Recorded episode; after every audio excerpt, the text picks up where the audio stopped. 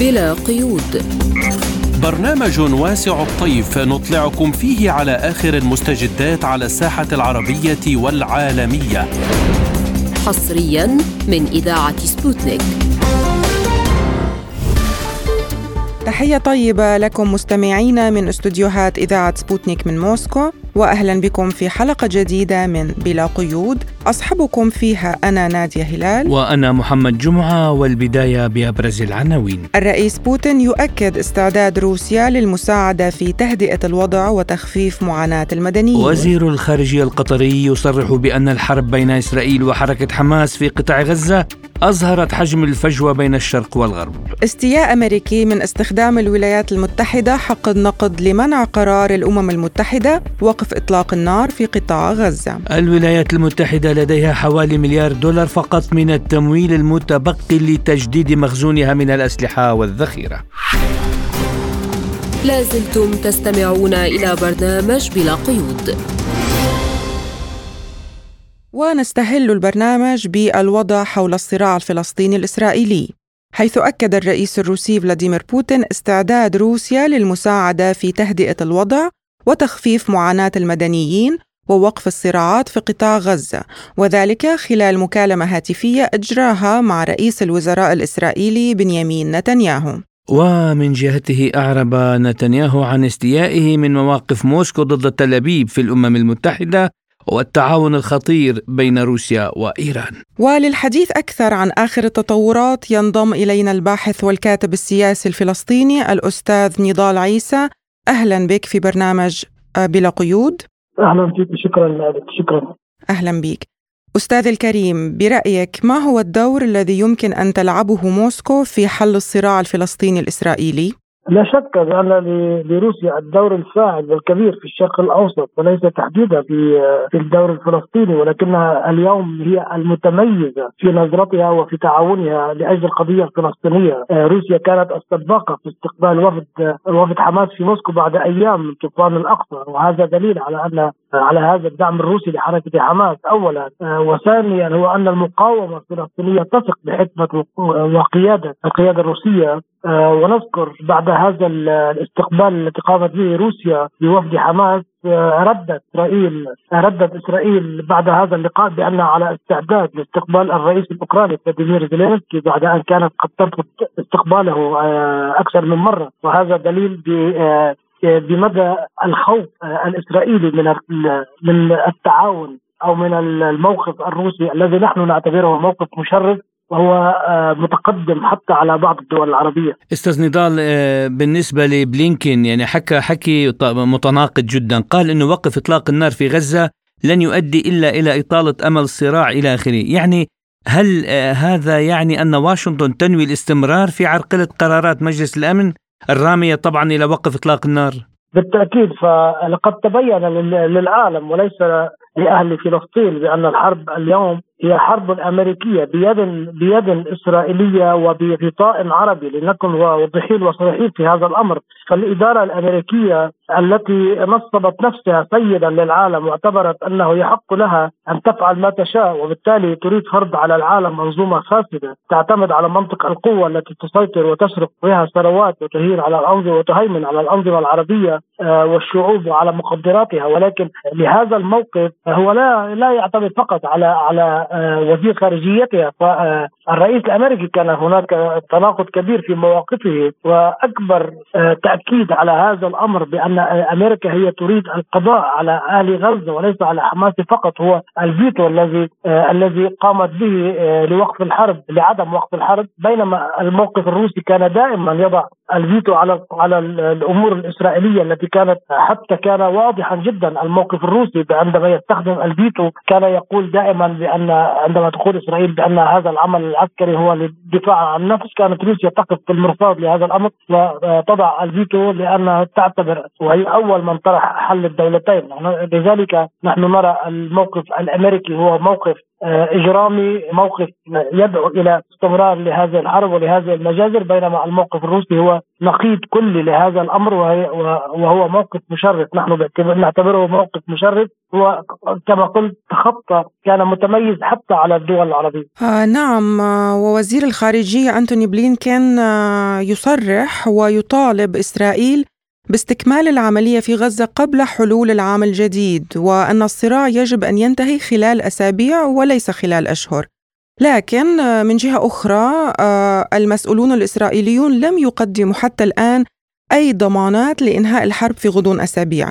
فبرأيك ما هو احتمال أن ينتهي القتال فعليا بنهاية هذا العام؟ سيدتي الفاضلة الموقف الأمريكي هو وما قاله بلينكن هو كان صريحا جدا عندما عقد المؤتمر عندما عقد مؤتمرا في الأردن بحضور وزير خارجية مصر ووزير خارجية الأردن وتكلم أمامهما وهم الدولتين الذي كان عليهما الموقف الصريح والواضح والإدانة لإسرائيل فهم لم يجرؤوا حتى على الإدانة أمامه هو قال بأن حماس هي منظمة إرهابية ويجب القضاء عليها. هذا في المؤتمر الصحفي ولكن الحرب اليوم بالتأكيد لا أمريكا ولا حلفاء أمريكا ولا التخاذل العربي هو فرض آه، وقف هذه الحرب ولم يفرض هذه الحرب. هذه الحرب كان لها هدفين كما أعلن رئيس وزراء آه، إسرائيل وقال بأن هدفين لحتى لإيقاف هذه الحرب علينا تنفيذهما هو تحرير الرهائن والقضاء على حماس وبذلك هو لم يتقدم ولم يحقق هؤلاء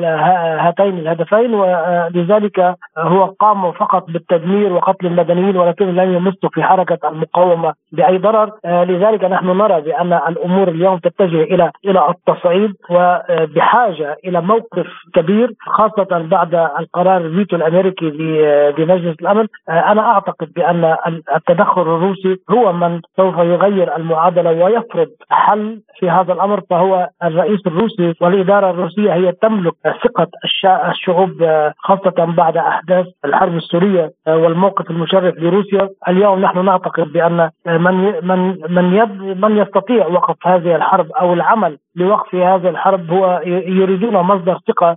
نحن لا نثق في الامريكي وكل والإدارة والمقاومة لا تثق في الامريكي، لذلك أنا أعتبر بأن الموقف الروسي هو الذي سوف يقوم في هذا الأمر بإذن الله. ولكن الحرب كما نحن نرى اليوم كمحللين لهذا الأمر وكمتابعين نحن نرى الأمور تتجه آه، إلى التصعيد وليس إلى التهدئة خاصة بعد سقوط الهدنة والتغيير لبعض البنود التي كانوا الذين كانوا متفقين عليها. شكرا جزيلا لكم الباحث والكاتب السياسي الفلسطيني الأستاذ نضال عيسى كنت معنا ضيفا عزيزا في برنامج بلا قيود. شكرا لك. شكرا. لازلتم تستمعون إلى برنامج بلا قيود وإلى منتدى الدوحة في قطر حيث يتم تبادل الأفكار ومواجهة تحديات الملفات التي تشغل العالم في الوقت الراهن وأهمها الحرب الإسرائيلية على غزة وبهذا الصدد صرح وزير الخارجية القطري الشيخ محمد بن عبد الرحمن آل ثاني في كلمته بمنتدى الدوحة إن الحرب بين إسرائيل وحركة حماس في قطاع غزة وكذلك الأحداث السياسية المرتبطة بها في العالم أظهرت حجم الفجوة بين الشرق والغرب وازدواجية المعايير. والأحداث التي تشهدها المنطقة أثبتت أيضا ضرورة إعادة النظر في نظام العلاقات الدولية القائم على أساس الحق للأقوى والذي يسمح باستدامة الصراع. لمناقشة هذا الموضوع ينضم إلينا عبر الهاتف الخبير في العلوم السياسية ورئيس كلية المقدسي الدكتور أمجد شهاب أهلا بك دكتور هل يمكن أن تتفاقم هذه الفجوة إذا دخلت دول أخرى في المرحلة النشطة من الصراع؟ أنا أنا بعتقد إسرائيل بالنسبة بالنسبة للغرب هي مشروع مشروع استثماري والدفاع عنها مهم جدا. وما قاموا به منذ 75 عام يدل على ارتباطهم ارتباط وثيق بالدفاع عنها. حتى لو كان هذا على حساب الدماء الشعب آه، الفلسطيني أو على حساب الكرامه العربيه طريقه طريقة التعامل آه، مع الملف الفلسطيني هم بضحوا في كل المعايير والمواثيق وقيمة الإنسان وحقوق الطفل والمرأة والعدالة كل هذه القيم يتم التضحيه بها من أجل آه، محاولة تجميل إسرائيل كدولة استعمارية بنيت على حق بنيت على حق شعب آخر في الاستقلال والحرية. فهون التناقض الكبير إنه العالم بقوده قطب أوحد وكل من يتحالف مع هذا القطب يتم التعامل معه آه، كجزء أساسي من الحضارة الغربية. وكل من لا يتعامل أو يختلف معهم آه، لا قيمة له. يعني نحن نتحدث عن عالم بحكمه شريعة الغابه بيعتبروا حالهم هم الأقوياء من الأحق وهم من أصحاب الحقيقة وأصحاب الديمقراطية فبيعتبروا اي أي طرف آخر آه، لا لا يتمتع بنفس الحقوق ونفس القيمة حتى الشعوب الأخرى وبيعتبروا أن الشعوب العالم الثالث شعوب متخلفة يعني بيبرروا كل سيطرة عليها وسرقة أموالها وسرقة خيراتها. فقيمة الإنسان الغربي والمتحالفين معه تختلف كليا عن قيمة آه، الجنسيات الأخرى وخاصة العرب والمسلمين بشكل أساسي. وبنلاحظ إحنا كيف يتم التعاطي مع المسلمين ومع ديانتهم ومع قيمتهم كبشر في خلال التعاطي معهم في الإعلام الغربي أو التعاطي معهم في دولهم. التعاطي معهم كأنهم طبقه ثانية في العالم. وكيف ستؤثر هذه الفجوة على الحياة الاجتماعية والسياسية للمجتمعات الغربية والشرقية هل يمكن أن تؤدي هذه الفجوة دكتور إلى زيادة الكراهية بين المسلمين والمسيحيين على سبيل المثال؟ أنا بعتقدش ما في مشكلة بين المسلمين والمسيحيين لأنه معظم معظم المتظاهرين في الدول الغربية هم مسيحيه اللي اللي بتظاهروا أكثر من العرب لدعم القضية الفلسطينية حتى حتى من الدول الداعمة لإسرائيل سواء كان في أمريكا أو في بريطانيا أو في فرنسا. يعني هذا أعداد كبيرة جدا بتنزل وهذا هذا يعود ليس دعما لحركة حماس أو دعما للقضية الفلسطينية بقدر ما هو دعم لقيمه الإنسان ودعم للمبادئ اللي عاشوا من أجلها حق البشر في في في العيش بأمان وحرية. وهذه تعليم هم هم هم تربوا عليها وتعلموها في مدارسهم. أعتقد أن الإشكالية هي في في في آلية التنفيذ وفي سيطرة مجلس الأمن الذي يسيطر عليه فقط خمسة آه، خمسة أعضاء. من ضمنهم ثلاثة هم اللي يتحكمون بكل المنظومة الدولية ومؤسسات المؤسسات الدولية بشكل بشكل أساسي، يعني المشكلة الأساسية هي في طريقة عمل الأمم المتحدة، يعني لو نظرنا إلى القوانين والمواثيق مواثيق جنيف، مواثيق لاهاي، آه، محكمة الجنايات الدولية، القانون الدولي الإنساني، إيه، كل هذه القوانين لم تترك شاردة إلا تحدثت عنها ولكن المشكلة هي بتطبيق هذه القوانين وآلية عمل الأمم المتحدة. المجلس الأمن بصفته هو السلطة التنفيذية وأيضا يعطي الحق لدولة واحدة فقط في العالم لها الحق في حق النقد الفيتو بتعطيل و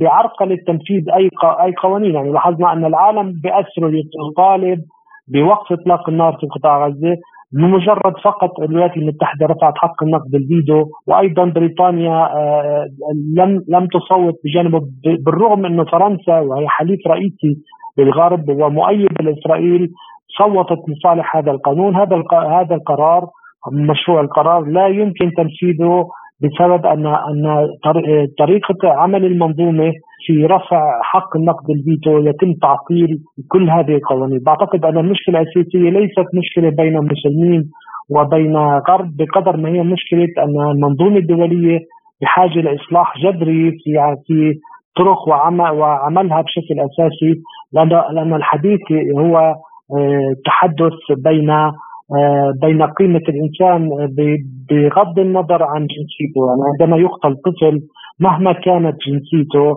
هذا شيء مؤلم للبشرية ومؤلم لأي إنسان آه، بالشعور بأن هذا الطفل يقتل بدون ذنب. آه، وأيضا عدم إعطاء حقوق الشعوب كحق الشعب الفلسطيني رغم وجود مئات القرارات في الهيئه في في الجمعية العامة للامم المتحده وأيضا هناك عشرات القرارات في مجلس الأمن. لم يتم لم يتم تنفيذها لأن هناك دولة آه، تختلف ولا تريد تنفيذ هذا القرار.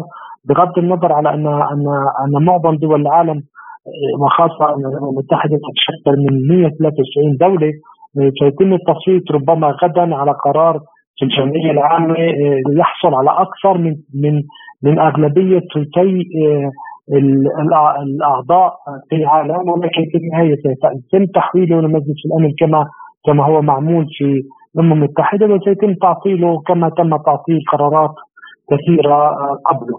المشكلة هو عدم التوازن يعني عدم وجود آه، وجود عدالة في المجتمع الدولي والضعفاء هم الذين يدفعون الثمن سواء كانوا مسلمين أو عرب أو من جنسيات أخرى. يعني عندما تم آه، تم تدمير فيتنام. الفيتناميين لم يكونوا عرب أو الأفغان لم يكونوا عرب كانوا مسلمين وهكذا.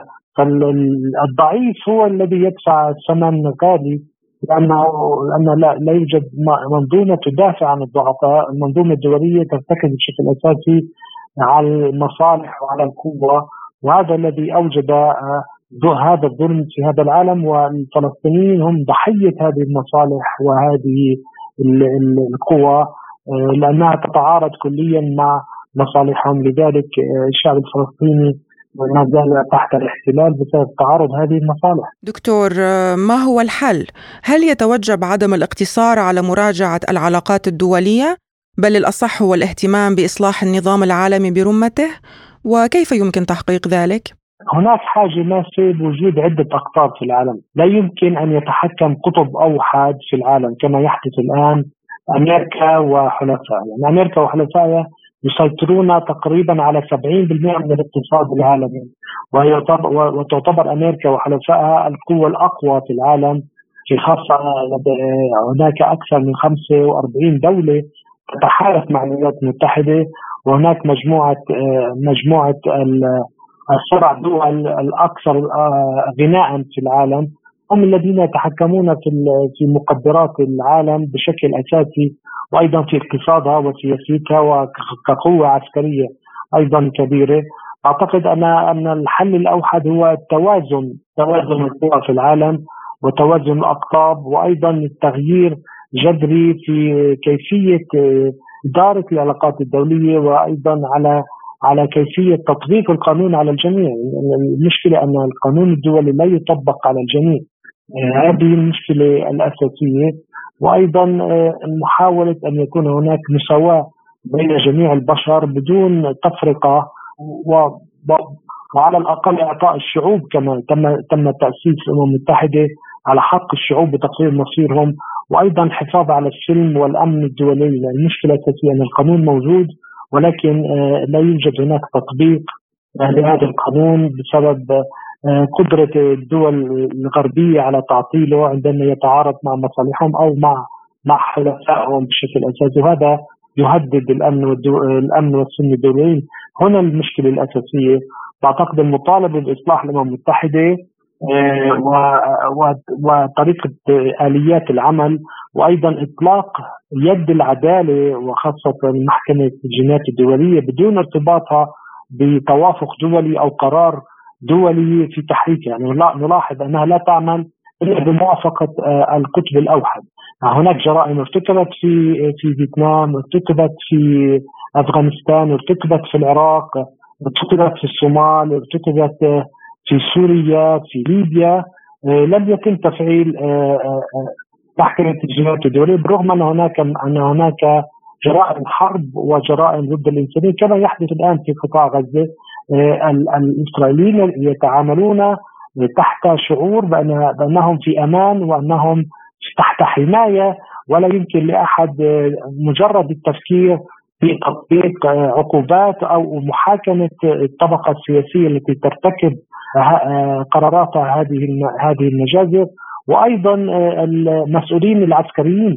يعني نلاحظ يعني قبل قليل لاحظت مشهد في جنين كيف كيف يتم إعدام طفل آه، في في آه، في أحد الازقه بمجرد كان كان مصابا وتم قتله ولم يشكل أي تهديد على هذه القوات.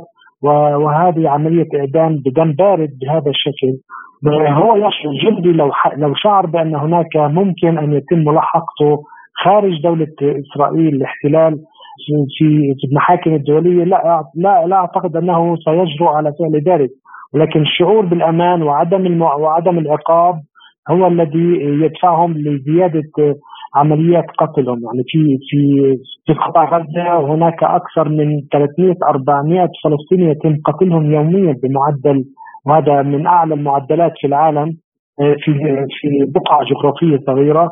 وهذا يدل على أن أنهم يشعرون يشعرون بالأمان آه، في ارتكاب ارتكاب هذه الجرائم بدون بدون أي أي رادع أو, أو بدون أي خوف من أنهم سيتم آه، اعتقالهم وتقديمهم للمحاكمات علنيه في العالم وهذا هذا هو سبب أساسي لزيادة الظلم وأيضا آه، زيادة الإجرام وزيادة الحروب آه، في في هذا العالم.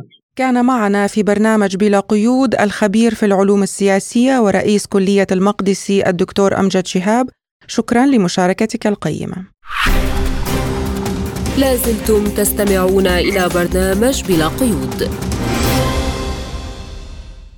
ونبقى في ملف الحرب على غزة حيث أعرب السيناتور الأمريكي بيرني ساندرز عن استيائه من استخدام الولايات المتحدة حق النقض لمنع قرار الأمم المتحدة وقف إطلاق النار في قطاع غزة بينما يواجه المدنيون ظروفا مروعة. كما صرح بأن إسرائيل تخسر سمعتها من حيث تقييم المجتمع الدولي للوضع في الشرق الأوسط. وأعرب السيناتور عن أمله في أن تدعم الولايات المتحدة في نهاية المطاف قرار الأمم المتحدة بشأن إقامة هدنة في قطاع غزة وأضاف أن ذلك سيسمح بالإفراج عن الرهائن الذين تحتجزهم حركة حماس الفلسطينية وتوصيل كميات ضخمة من المساعدات الإنسانية إلى القطاع.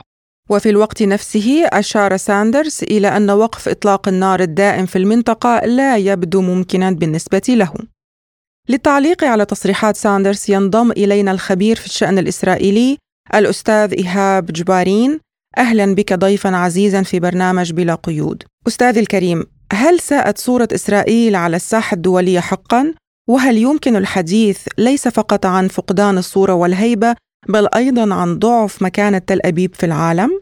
بدون أن شك أن إسرائيل لربما وجدت نفسها مربكة في داخل هذا العدوان. هذه المرة على نقيض من المرات السابقة. إيه، وحشية الرد الذي كان من قبل تل أبيب في الأسابيع الأولى تحديدا يعني أدى إلى أن تخسر شرعية هذه الحرب. ويجب أن نتذكر أن هذه في نهاية المطاف هي حرب الرواية وحرب السردية وهنا ربما يأخذنا إلى اليوم الأول. هي استندت على كل ما تقوم به في السابع من أكتوبر وهذا هو التجنيد العالمي الذي كان في غرار السابع من أكتوبر. ولكن هي خسرت ذلك لأنه في الأسابيع الأولى حتى الهدنة بطبيعة الحال كل استهدافها وجل استهدافها كان للمدنيين. وكل ما صدر عنها بأنها استهدافات عسكرية ضد حماس وما إلى ذلك لم تستطيع أن تقدم أي دلالات على ذلك أمام الراي العام العالمي وبالتالي هذا أدى إلى خسرانها لهذا لهذه المشهدية. والان بطبيعة الحال الموقف الأمريكي هو الموقف الحاسم في ظل كل هذه الإشكالية ويمكن القول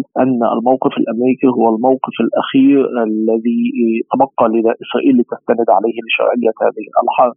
طبعا هنالك الكثير من الارباك في داخل هذا الموقف وهنالك الكثير من التناقضات ليس فقط بسبب ما اتى عن آه، السيناتور ساندرز بل كذلك بكل خصوص موقف الخارجية الأمريكية وموقف البيت الأبيض. ففي حين أن الخارجية الأمريكية تقوم بمحاولات آه، ضغط على أمريكا على الأقل أمام الرأي العام العالمي البيت الأبيض يعطي حملة يقوم بحملة علاقات عامة لتل أبيب بل أكثر من ذلك. يعني متى سمعنا أن موقف الرئيس الأمريكي يكتفي بقوله I hope so أنا آمل ذلك في كل خصوص تحركات تل أبيب. وبالتالي لا يعني هي ليست قضية الاستهلاك الإعلامي بقدر ما هو ما تقوم به واشنطن في نهاية المطاف من إمدادات لوجستية لتل أبيب. إن كان آه، في من صواريخ أو من أي عتاد لوجستي آخر. الضغط الأخير باعتقادي إذا واشنطن لم يستعمل بعد ورقة الفيتو التي في داخل الكابينت وهي الأهم الممثلة ببيني جانس لم ترفع بوجه إسرائيل. وباعتقادي أن هنالك ضربة ممنهجة واستغلال ممنهج لهذه الحرب لضرب صورة بنيامين نتنياهو أكثر فأكثر حتى من قبل الإدارة الأمريكية فحتى أن ترفع تلك الورقة ورقة بيني جانس الإدارة الأمريكية سوف تستمر بنهجها المساند لإسرائيل وبرأيك دكتور هل ستصبح إسرائيل منبوذة في المنطقة والعالم فيما إذا استمرت في معارضة وقف إطلاق النار؟ باعتقادي إسرائيل خسرت الكثير من الزخم في رأي العام العالمي وكذلك حرب البروباغندا إسرائيل بطبيعة الحال خسرتها بل يمكن أن نرى الكثير من التحركات والكثير من المواقف التي بدأت تؤخذ في داخل أوروبا الشعبية وهي الأهم في نهاية المطاف يعني. فحتى لو بقيت الحكومات مساندة واضح جدا أن الشارع الأوروبي تحديدا وحتى في داخل الشارع الأمريكي هنالك موقف معادل نوعا ما لإسرائيل. وباعتقاد أنه سوف سوف تكون بحاجة لسنوات لترميم هذا المشهد تحديدا ما بعد هذه الحرب. كان معنا في برنامج بلا قيود الخبير في الشأن الإسرائيلي الأستاذ إيهاب جبارين، شكرا لك. لازلتم تستمعون إلى برنامج بلا قيود. وإلى الملف الأوكراني حيث وجه الرئيس بايدن دعوة إلى الرئيس الأوكراني فلاديمير زيلينسكي لزيارة البيت الأبيض لعقد اجتماع يوم الثلاثاء في الثاني عشر من ديسمبر للتأكيد على التزام الولايات المتحدة الثابت بدعم أوكرانيا. سيناقش الزعماء احتياجات أوكرانيا الملحة والأهمية الحيوية لاستمرار دعم الولايات المتحدة لها. وفي السياق ذاته أعلنت رئيسة مكتب الميزانية في البيت الأبيض شالان ديونغ أنه بقي لدى الولايات المتحدة ما يقرب من مليار دولار فقط من التمويل المتبقي لتجديد مخزونها من الأسلحة والذخيرة. ولمناقشة أبعاد هذه التطورات وآخر تطورات الحرب في أوكرانيا نستضيف معنا الخبير بالعلاقات الدولية الدكتور بهاء محمود. أهلا بك دكتور بهاء ضيفا عزيزا في برنامج بلا قيود. أهلا بحضرتك. وأبدأ معك آه، يعني تصريحات أمريكية حقيقة تتضارب كثيرا الآن بخصوص دعم أوكرانيا. هل تعني تصريحات البيت الأبيض أنه في الوقت القريب سيعاني نظام كييف من وقف المساعدات الأمريكية العسكرية له وحتى أكثر من ذلك الصناعات العسكرية الأمريكية بأكملها قد تعاني من وقف محتمل للمساعدات المادية من واشنطن؟ ربما الوقت الحالي هناك أزمة داخل الإدارة الأمريكية وداخل أمريكا نفسها على هذه المسألة لأنه الحرب طالت ويعني الخسائر كثيرة لدى أوكرانيا ولدى أمريكا وفي نفس الوقت لدى أوروبا بخاصه أن الحليف آه، الغربي أو الحليف الأوروبي لأمريكا يعاني من تبعات الحرب ويعاني من عدم وجود بدائل حقيقية لهذا الحرب مع استمرار آه، يعني حصار روسيا اقتصاديا وإمداد أوكرانيا عسكريا والحرب لا تنتهي بفوز أوكرانيا ولا تستطيع يعني المصلحه الامريكيه إجبار روسيا على يعني تحقيق أهدافها أو بمعنى صح إخضاعها لما تريد وبالتالي آه، حتى هذه اللحظة هناك أزمة في آه، داخل أمريكا لأنه آه، هل الدعم سيبقى للأبد دون أن تحقق أوكرانيا مكاسب من هذا الدعم. الدعم يجب أن يكون له يعني مشروطية بمعنى أن يكون الدعم وراءه نتائج. لكن حتى هذه اللحظة تدفع المليارات لأوكرانيا ولا تحقق نتائج في الحرب. وكأن هذا الدعم يعني لا يذهب لشيء فعلا وكأن هذا الدعم يذهب لبنوك اوكرانيا وكأن هذا الدعم ليس دعما حقيقيا اموالا تدفع من جيب المواطن الأمريكي أو من دافع الضرائب في أمريكا. وبالطبع يعني بعد أشهر قليلة سوف نجد هناك رئيس آخر أو على الأقل يعني الشهر القادم بداية الانتخابات التمهيدية داخل أمريكا ومن ثم صراعا كبيرا على من يفوز في البيت الأبيض. وبالطبع القضيتان الابرز الآن. قضية أمريكا إنها آه، جاءت في عهد آه، رئيس ديمقراطي وهناك أيضا مرشحين مهمين ربما يعودوا على خسارة آه، أوكرانيا في الحرب أو بمعنى أصح عدم قدرة أمريكا على تحقيق انتصار عسكري في في في أوكرانيا على حساب روسيا. مع كل هذا الدعم. وبالتالي هذه المسألة مسألة تورق الجميع داخل أمريكا لأنه في الأول والآخر المواطن الأمريكي له وجهة نظر لماذا أدفع أنا للحرب في أوكرانيا التي لا تجدي نفعا.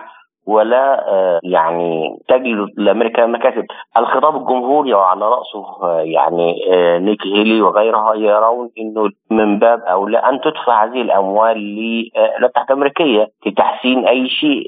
هناك منافسة عالمية مع الصين في الجزء التكنولوجي في أي في الحفاظ على التفوق العسكري في حتى خدمة المواطن الأمريكي. وبالتالي هذه المساله مسألة كبيرة الآن في الانتخابات الأمريكية. وربما هذا يساهم في آه، وهذا ربما يفسر في مسألة يعني عدم الموافقة في الكونجرس الأخيرة على مسألة الدعم الأوكراني. وبالتالي يظل هذا المشهد معلقا لفترة حتى يكون هناك تغيير مجدي إما في الجزء العسكري في الحرب أو على الأقل أن يكون هناك نوع من أنواع المقايضة أو المبادلة بين الجمهوريين والديمقراطيين آه، داخل الكونجرس الأمريكي حتى يتم الموافقة على هذه المسألة. بمعنى أن يكون الدعم الأوكراني مشروطا بتوافق آه، جمهوري ديمقراطي في على حساب قضايا أخرى داخل آه، أمريكا أو داخل الكونغرس. آه نعم أستاذ أيضا حسب ما قاله السيناتور الأمريكي عن ولاية أوهايو جيمس ديفيد فانس فإن أوكرانيا سيتعين عليها التنازل عن بعض أراضيها لصالح روسيا لإنهاء الصراع. وفيما يتعلق بأوكرانيا فالجميع يعلم أن ما يجري آه، يجب أن ينتهي بالمفاوضات وإن اطروحه بأن أوكرانيا ستجبر روسيا على العودة إلى حدود عام 1991 هي أطروحة سخيفة ولن يصدقها أحد آه، فبرأيك هل سيوافق أمناء كييف على هذا التصريح؟ يعني يعني أنا في اعتقادي إنه منذ اللحظات الأولى للحرب وحتى ما قبل الحرب حتى يعني طرح فكرة أن تكون هناك مناورات عسكرية على حدود روسيا بين الناتو آه، من آه، بموافقة أوكرانيا أو بإشارة كانت مساله عبثيه وكان الواضح منها إنه ليس هناك حقيقة الأمر أي دور لأوكرانيا على المستوى السياسي. المسألة الأخرى إنه ما الإضافة أن التي آه، يعني تضيفها أوكرانيا للناتو أو تضيفها للقوى الأوروبية ونحن نعلم مدى حجم الفساد الموجود داخل أوكرانيا وتصنيفها العالمي في هذه المسألة هو تصنيف ثابت وحتى الحرب نفسها أثبتت إنه القاده العسكريين في أوكرانيا آه، كان هناك شبهات لفساد آه، معروفة ليسما قبولهم حصولهم على بعض التمويلات الأتية من الدعم الغربي ولم يعني يحدث شيء من قبل الرئيس الأوكراني كذلك الرئيس نفسه الأوكراني عندما يعني بدأ تشكيل رجاله في بداية حكمه أتى ببعض الذين يشتبه فيهم في قضايا فساد من الرئيس السابق وبالتالي هذه مسألة عبثية. المسألة الأخرى وهذه الاهم وهذه هي الأهم في اعتقادي إنه المسألة تتعلق بأراضي أوكرانية أو أراضي روسية تتعلق بأن هناك مواطنين موجودون في أربع مقاطعات هي هؤلاء الأغلبية روسية وهؤلاء يدونين لروسيا. عندما تم آه، يعني آه، استفتاءات أو انتخابات وطلبوا البقاء آه، في روسيا. فلماذا لم يعني يؤخذ بهذه المسألة في وأن تقف الحرب على سبيل المثال أو يتم التفاوض على هؤلاء على اعتبار إنهم أشبه بمسائل حكم ذاتي أو أشبه بانها بالفعل لديهم صراع مع أوكرانيا منذ 2014 وليس المساله جديدة يعني. المسألة الأخرى إنه كم مرة كان المفترض أن يكون هناك تفاوض حقيقي سواء ما قبل سبتمبر 2022 أو العام الحالي. وبدات هناك إرهاصات أو إشارات من قبل أوكرانيا متوافقة على يعني الدخول في المفاوضات. ولكن الجانب الأمريكي في آخر لحظة كان يرفض. وبالتالي الأزمة ليست في مسألة تصريحات آه، يعني سيناتور أمريكي أو قادة أو الاوكرانيا يقولون أو يرفضون. المسألة في الأمر إنه متى تحسم واشنطن آه، رأيها بمعنى أن الحرب استمرارها مصلحة لها أم أن الحرب سوف آه، دون القدره على هزيمة روسيا؟ هي مسألة خطيرة على الاقتصاد الأمريكي ومسألة خطيرة أيضا على حلفائها الغرب الأوروبيين الذين يعانون من الحرب ومن ارتفاع أسعار يعني الطاقة ومن أسعار السلع الغذائية وتكلفة مستوى المعيشة. والكل يعلم أن الآن الاتحاد الأوروبي نفسه وهناك دول كثيرة من يعني يسمونها اليمين المتطرف أو حتى أي دولة أخرى لديهم أزمات كبيرة في قبول الحكومات التي تؤيد أوكرانيا التي تؤيد أمريكا على حساب على حساب نفسهم وعلى حساب البحث عن مصادر للطاقة أو البحث عن آه، يعني مصادر أخرى دون التعاون مع روسيا النتيجه خسائر كبيرة والنتيجة أن أمريكا من حين لآخر إما أن يعني هي تكسب في بعض مسائل مثل الطاقة أو على الأقل لا تتحمل خسائر الاتحاد الأوروبي. كل هذه المسائل تقول أن الأزمة موجودة في واشنطن وليس في الأوكران لأن الأوكران يعني لا يبدو ان لديهم يعني حيلة لأنه هناك يعني حتى هذه اللحظة القى ليس بايديهم هم فقط يأخذون تمويلات ولا أحد يحاسبهم على هذه التمويلات إذا كانت يعني بالفعل ذهبت لتسليح الجيش أو المقاومه أو ذهبت لجيوب بعض المسؤولين. آه، ما قاله تصريحات السيناتور الأمريكي وهي تصريحات إلى حد ما لا تقارب الواقع وكان يتكلم يتكلم عن إنه الأزمة بين أوكرانيا وروسيا فقط وكأن أمريكا ليس لها دور يعني ليس فقط الدور التمويلي ولكن الدور السياسي الدور الذي يقود الأزمة منذ التفكير أصلا في آه، عضوية الناتو لأوكرانيا التي لم تضيف يعني للقوة لقوة الناتو شيء. ولا حتى تفكير مرة أخرى أن هذا حدث بالفعل في 2008 عندما برضو أمريكا كانت هي من تقول يجب دخول أوكرانيا الناتو هي جورجيا. ونحن نعلم ماذا حدث بعدها وماذا حدث منذ وقتها حتى هذه اللحظة بين آه، جورجيا ومولدوفا وأوكرانيا. آه، وكيف هذه الدول يعني لم تجد في حافه الأمر الغطاء الأوروبي الكامل لحمايتها أو اقتصاديا على الأقل ولم تتحول هذه الدول دول كبيرة مثلا؟ وكان من باب أولى إما أن تدعمها دعما حقيقيا يجعلها دول كبيرة أو أن تكف أيديك عنها ولا تجعلها لعبة بين آه، مصالحك أو تجعلها في مواجهة يعني روسيا مباشرة ودون أن تكون في حقيقه الأمر أنت يعني من يقضي صالحها. آه، دكتور آه، يعني إحنا يوميا نسمع تناقض في التصريح يعني بأوروبا يقولون عن استياء في دعم أوكرانيا وأن الهجوم المضاد لشنته أوكرانيا فشل ولم يحقق أي شيء ونسمع بنفس الوقت استمرار في الدعم وسنواصل دعم اليوم أعلنت وزارة الدفاع البريطانية أن لندن ستنشئ مع النرويج تحالف بحري جديد يضم دول ترغب في تقديم المساعدة البحرية لأوكرانيا كيف تفسر ذلك دكتور؟ واستمرار الضغط الأمريكي عليهم لأنه أنت تعلم أن معظم الدول الغربية الأوروبية تحديدا يعني دول ليست لها جيوش حقيقية بل هي يعني لديها قواعد عسكرية أوروبية وأنا في اعتقادي انها آه، أو أمريكية وأنا في اعتقاد طالما أنت لديك قواعد عسكرية لدولة أخرى لا تتحدث عن إن لديك استقلال في القرار، أنت عندما تكون لا تستطيع حماية نفسك ويعني آه، تذهب ليل نهار ب آه، يعني الابقاء على قوات عسكرية دولة أخرى، فلماذا تتحدث عن دعم دوله من باب اولى ان تدعم نفسك وأن تتحدث عن استقلاليتك، هذا يوضح إن طوال الوقت أمريكا من تحرك هؤلاء بغض النظر عن إنها تظهر في الصورة في لهذه الأجزاء التفصيلية لكن الأمر بيد واشنطن. كذلك إن هناك إجبار من واشنطن على أن يكون للجيش الأوروبي بغض النظر عن إنهم داخل الاتحاد أو خارجه أن يكون لهم دور, دور كبير في آه، الحرب وأن يكون داعمين مثل أمريكا. فبالطبع أمريكا الداعم الأكبر لكن يعني حتى حتى لا يرى الرأي العام إن أمريكا فقط ما تدعم اوكرانيا وأن الحلفاء الأوروبيين يشاركون أيضا. تجد من حين لآخر إجبار هذه الدول على أن تشارك ومع علمها يعني بالخسائر سواء عسكرية أو حتى عدم قدرة هذا الدعم على تحويل المشهد لصالح أوكرانيا. أو تحويل الدفة. وإن كل فترة نتحدث عن نوع سلاح معين دبابة طيارة أي نوع من أسوأ الأسلحة التي تتحدث اوكرانيا إنها عندما تأتي هذه الأسلحة تغير المشهد. وبعد يعني مضاربات ووقت ومفاوضات تجد أن هذه الأسلحة لم تغير المشهد. يعني لم نجد مثلا أوكرانيا دخلت بقواتها موسكو. آه، لم نجد أوكرانيا مثلا حررت مثلا الأربع مقطعات التي تم ضمها في سبتمبر 2022 لم نجد إن أوكرانيا على سبيل المثال آه، أصبحت على حدود موسكو أو على حدود روسيا. لم نجد على سبيل المثال أن تم انتهاء آه، تم خروج الجيش الروسي من المعركة ولم يصبح هناك جندي آه، روسي. كل هذه المسائل بغض النظر عن عن المسائل العسكرية البحته الخاصة بأنه هناك تقدم تقدم في قرية ما ثم ترجع هذه القرية لقبضه القوات الروسية أو أو لا.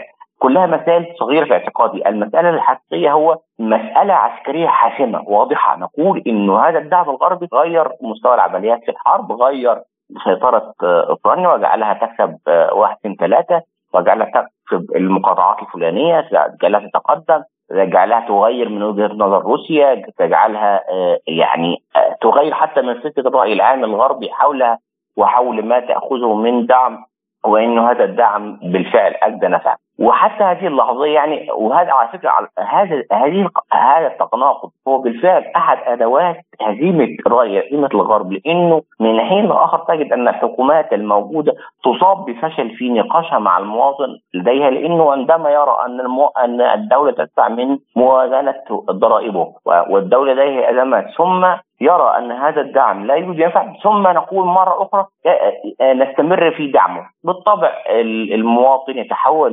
للمعسكر الآخر داخل بلده أو الأحزاب الأخرى سواء كانت شعبوية أحزاب من يعني على النقيض من الحكومات الموجودة سواء الحكومات الحالية اليساريه أو الاشتراكيه أو حتى الليبرالية. يذهب للراي المناقض تماما الرأي الذي يحبذه على فكرة إنه لن ندعم حربا تأتي لنا بالخسائر ثم نستمر في دعم هملين على حساب المواطن العادي في أوروبا الذي لا طالما انشغل طول عمره به فقط بقضاياه الداخليه يعني كان كان دائما ولحد فترة قريبة كان المواطن الأوروبي في الانتخابات يذهب فقط لدعم القضايا الاقتصادية ولا يشغله أي أزمة في العالم، أزمة اقتصادية عالمية، أزمة في الشرق الأوسط، أزمة في أي دولة، لكن الآن هو محاط بقرارات سياسية واقتصادية وعسكرية لا تدعم بلده ولكن تدعم دول أخرى والدول الأخرى يعني إما مشوبة بالفساد أو آه، تخفق عسكريا في الوصول للأهداف لأهدافها أو بمعنى آخر تفشل أن تحقق ما تريد برغم كل هذا الدعم وبرغم حصولها على ما تريد يعني.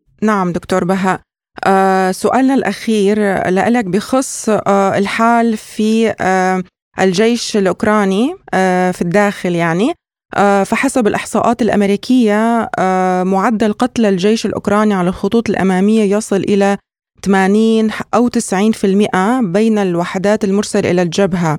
وفي الوقت نفسه رفع نظام كييف الحد الأقصى لسن التجنيد الإلزامي للرجال ليشمل كبار السن فيعني كلنا عم نشوف أنه الحكومة الأوكرانية تدفع بشعبها إلى الموت فهل ستدفع الحكومة الأوكرانية ثمن ذلك برأيك؟ ومن الذي سيجبرها على أن تدفع هذا الثمن؟ بالطبع هو ثمن فادح لأنك آه، تصر أن تدخل في حرب لا نهاية لها وأدخلت نفسك منذ آه، قبولك في يناير يعني 2020 آه، 2022 وما قبله بأن تكون أنت مسرح لعمليات لا تخصك أنت ليست دولة كبرى ولست دولة يعني عسكرية كبرى ولست دولة آه، من من دول الناتو وليست دولة معروفة اقتصاديا ضخمة مثلا حتى تكون عضوا في الاتحاد الأوروبي الذي مفترض أن يقبل بمعايير معينة. كل هذا وأنت ذهبت للتحرش بروسيا والتحرش بحدودها في ظل إن أنت تعاني من آه، آه، حرب أهلية أو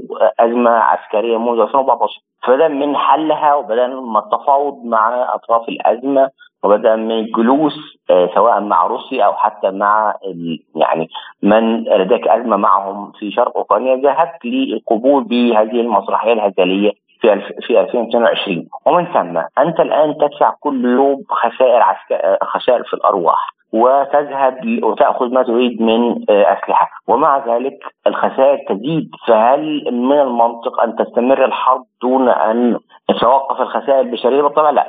وبالتالي الخسائر تدفع من آه، يعني من أرواح المواطنين. وفي الأول والآخر هناك قادة عسكريين يستفيدون من هذه الحرب. حصول على التمويل حصول على مكانة دون أن يخسرون شيء لأنه في في الأول والآخر من يقف في أمام المدفع هم الجندي المواطن البسيط وليس يعني القادة العسكريين الذين فقط يعني آه، هم خارج الأزمة بصورة كبيرة يعني. وبالتالي على على المدى الحالي الجنود يموتون وعلى المدى الطويل آه هذا يعني أو حتى على المتوسط هذا يغير من فكر المواطن الأوكراني من فشل دولته من آه إما حماية امنها أو على الأقل آه توريط نفسها في حرب ليست لها فيها باع وبالتالي هذا يجعل المواطن يفكر في لماذا نستمر في هذه الحرب مع هذا النظام. الذي آه، يعني بدا يعني لا يليق بأن يكون بأن يقود دولة وكأنه بالفعل هو هو من يقوم بنفس المسلسل الذي كان بطله الرئيس الأوكراني. فيبدو أن الرئيس الأوكراني حتى هذه اللحظة لا يعرف الفرق ما بين المسلسل الحقيقي والواقع. هو ما زال يعيش في الدراما التي كان بطلها ولا يعرف أن هناك بالفعل انتهى بهذه الدراما وهو بالفعل رئيس أوكراني. وان هؤلاء الجنود مسؤولون أمامه. أي رئيس في أي دولة في العالم مسؤول عن قيادة الجيش هو مسؤول عن القتلى ومسؤول عن وقف هذا النزيف. لا يعقل أن تستمر للأبد في حصد هذا النزيف من الدم دون أن تستطيع أن تحقق انتصارا أو على الأقل توقف الحرب وبالتالي في رقبتها كل هؤلاء الجنود لأنه يخسر من ناحيته يخسر من ناحية إنه لا يستطيع وقف هذا النزيف ويخسر أيضا في بقائه دون أن يعني يتحرك ولو شبر أمامه في مفاوضات أو حتى آه، إقناع الأطراف الأخرى بوجود حل مناسب. نعم شكرا لك دكتور بهاء على مشاركتك القيمة في البرنامج. آه، كان معنا الخبير بالعلاقات الدولية الدكتور بهاء محمود شكرا لك. شكرا. لازلتم تستمعون إلى برنامج بلا قيود. وفي ملفنا التالي الوضع السياسي الداخلي في الولايات المتحدة الأمريكية والانتخابات الرئاسية. حيث هناك توقعات بأن فوز الرئيس الأمريكي السابق دونالد ترامب في الانتخابات الرئاسية الأمريكية عام 2024 قد يؤدي إلى انسحاب أمريكا من حلف الشمال الأطلسي ووفقا لتقارير إعلامية بين الدبلوماسيين وكذلك في حكومات دول الناتو هناك قلق متزايد من أن عودة ترامب قد تعني ليس فقط التخلي عن أوكرانيا ولكن أيضا الانسحاب الأمريكي من القارة الأوروبية ومن إضعاف حلف شمال الأطلسي. وللحديث أكثر حول هذا الموضوع ينضم إلينا الخبير بالشؤون الأمريكية الكاتب والصحفي السوري الأمريكي الأستاذ ستيفن صهيوني. أهلا بك أستاذ ستيفن ضيفا عزيزا في برنامج بلا قيود. وأسألك عن رأيك هل ستتحقق التوقعات المتعلقة بفوز ترامب وما هي خطة ترامب الانتخابية لعام 2024 ترامب هو اليوم هو المرشح الأبرز في الولايات المتحدة الأمريكية لاستلام سده الرئاسة.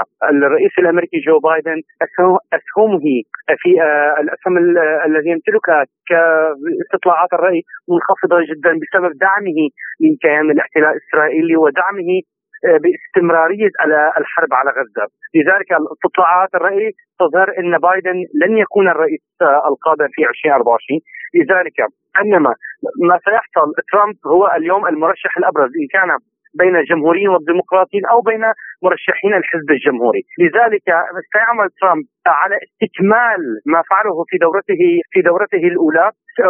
وأيضا سيعيد الولايات المتحدة أيضا كما قال لانسحاب من الحلف الأطلسي لإجبار عدد من الدول في المنطقة في الشرق الأوسط على دفع على دفع من أجل آه، صفقات أسلحة. قال إنه سيوقف الحرب على أوكرانيا، هناك الكثير من الإجراءات اعلن عنها وكان يريد أن يفعلها عندما كان رئيسا سيكمل آه، ولايته. بما سيحقق هذه الوعود خاصة الوعد في الانسحاب من أوكرانيا ووقف آه، دعم أوكرانيا لأن هناك عداوة كبيرة بين زيلينسكي وبين وبين الرئيس ترامب وخاصة بما يتعلق لأن كان زيلينسكي وأوكرانيا كان لها دور في محاكمة آه، محاكمة ترامب آه، سببت أزمة سياسية لدونالد ترامب فهي كانت اصبحت شعر شخصي. لذلك بما بما يخص أوروبا. وما يخص آه، أوكرانيا نعم سينسحب وسيوقف الدعم وخاصة ان الشعب الأمريكي. يضغط بشكل كبير لا يريد هذه الأموال الضرائب الأمريكية أن تذهب إلى أوكرانيا. وبالإضافة أن ترامب لا يريد دعم أوكرانيا. أستاذ الكريم آه، معظم ممثلي الدول الأوروبية لا يعرفون النهج الذي يجب اتباعه إذا فاز ترامب بالانتخابات الرئاسية. فمثلا الدول الصغيرة ستحاول تحسين العلاقات مع ترامب من خلال شراء الأسلحة الأمريكية أو آه، القيام بتصرفات أخرى بمثابة المجاملة فهل فوز ترامب سيؤثر على الحال في الدول الأوروبية فعلا؟ سيسبب أزمة كبيرة لأوروبا آه، لأن الكثير من الدول الأوروبية وخاصة الدول الصغيرة والفقيرة لا تريد ترامب لأنها من اليمين المتطرف لأنها آه، اليمين المتطرف آه، ترامب يعتبر من اليمين المتطرف لذلك سيعملون سيعملون على إيجاد آه، إما الانتقال إلى المحور الآخر كالصين وروسيا أو سيعملون يخضعون لأوامر آه، الرئيس الأمريكي دونالد ترامب. أستاذ ستيفن بالنسبة لانسحاب أمريكا من حلف شمال الأطلسي في حال فوز ترامب وهل تستطيع واشنطن فعلا مغادرة آه، حلف الناتو وكيف سيؤثر ذلك على بنية الأمن العالمي بعد ذلك؟ قال ترامب في دورته الأولى إن على الدول الأوروبية وحلف الاطلسي الدفع للولايات المتحدة الأمريكية للبقاء، لن تكون أمريكا الجمعية الخيرية للدول الأوروبية والحامي، ما يريده ترامب هو حصل جباية الأموال إن كان الدول الخليجيه أو الدول الغنيه في العالم أو حتى آه، الدول الأوروبية، لذلك سيهدد هو يهدد بالانسحاب فقط من أجل جباية الأموال من أوروبا وإجبارهم على دفع تكاليف البقاء في أوروبا والبقاء في حلف الأطلس. كان معنا في برنامج بلا قيود الخبير بالشؤون الأمريكية الكاتب والصحفي السوري الأمريكي الأستاذ ستيفن صهيوني، شكرا لك. لازلتم تستمعون إلى برنامج بلا قيود.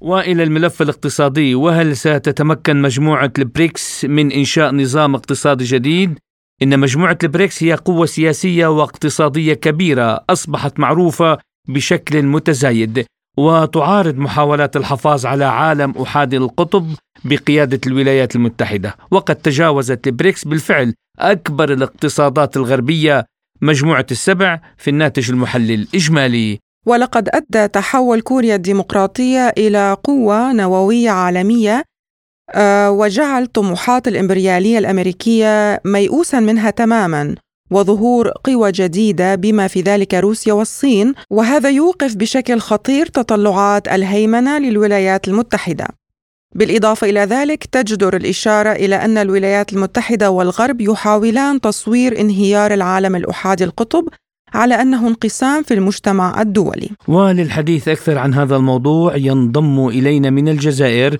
الخبير الاقتصادي الأستاذ الجامعي البروفيسور مراد الكواشي أهلا بك دكتور مراد وأسألك متى يمكن لمجموعة بريكس إنشاء نظام اقتصادي جديد برأيك؟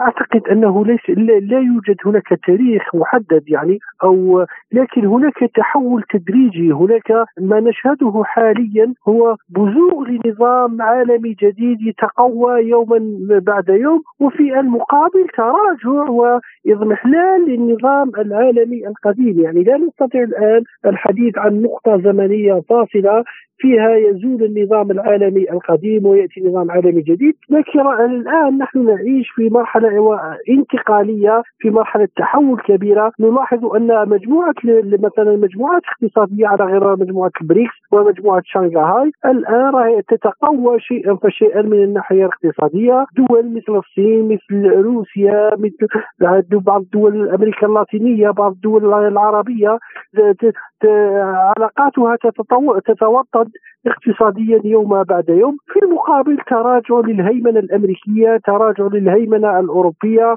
وتراجع لهيمنة الدولار فقدان ثقة في مؤسسات مالية دولية على غرار صندوق النقد الدولي والبنك العالمي وبالتالي أعتقد بأن الأمور تسير بهذا المنحى نحن الآن نعيش في مرحلة انتقالية ربما بعد من هنا إلى سنة 2030 سنشهد سيكون نظام عالمي جديد سائد بكل بكل آه، مظاهره جديدة وبكل مؤسساته وعملاته إلى غير ذلك. هل يمكن لمجموعة البريكس أن تحل محل المنظمات الاقتصادية والمالية الدولية الأخرى في المستقبل؟ نعم بالتأكيد. والعمل تدريجي. يعني لو تكلمنا مثلا على بنك البريكس يمكن ان ان يحل محل صندوق النقد الدولي أو البنك العالمي وأن يؤدي دورهما. نتكلم ربما حتى على عملة جديدة للبريكس قد تحل محل الدولار الأمريكي. اذا أعتقد أن هذا مرهون بما بقدرة مثلا مجموعة البريكس على خلق مؤسسات موازية للمؤسسات الحالية سواء صندوق النقد الدولي أو البنك العالمي. دكتور ما هو الدور المنوط بدول بريكس في إصلاح الاقتصاد العالمي؟ نعم أعتقد أن دول بريكس لها الآن وعلى عاتقها دور كبير لإصلاح النظام العالمي ومن أجل اضفاء أكثر عدالة على النظام العالمي لأنه ما يشوب النظام السابق أو النظام والذي ما زال سائدا في بعض مظاهره لحد الآن هو عدم العداله وعدم وجود العدالة والمساواة بين الدول، الدول الكبرى استفردت بالدول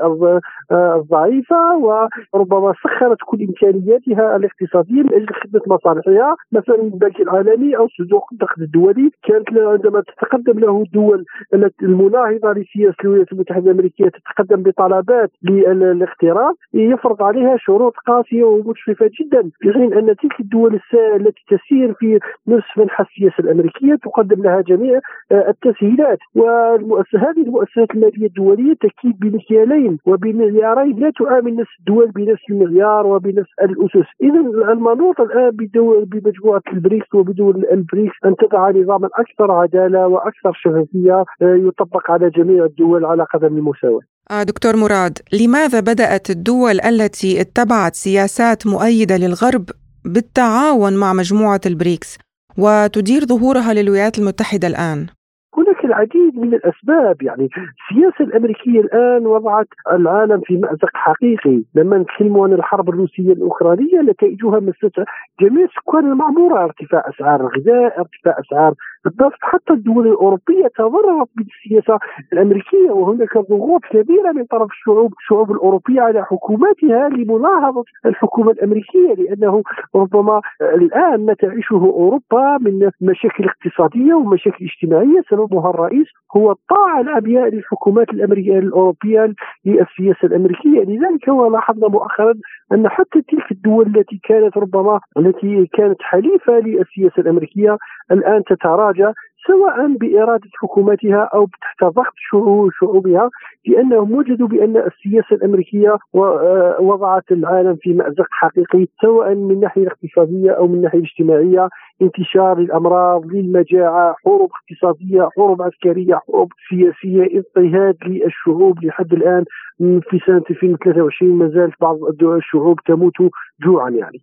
الخبير الاقتصادي الأستاذ الجامعي البروفيسور مراد الكواشي كنت معنا ضيفا عزيزا في برنامج بلا قيود. شكرا لكم.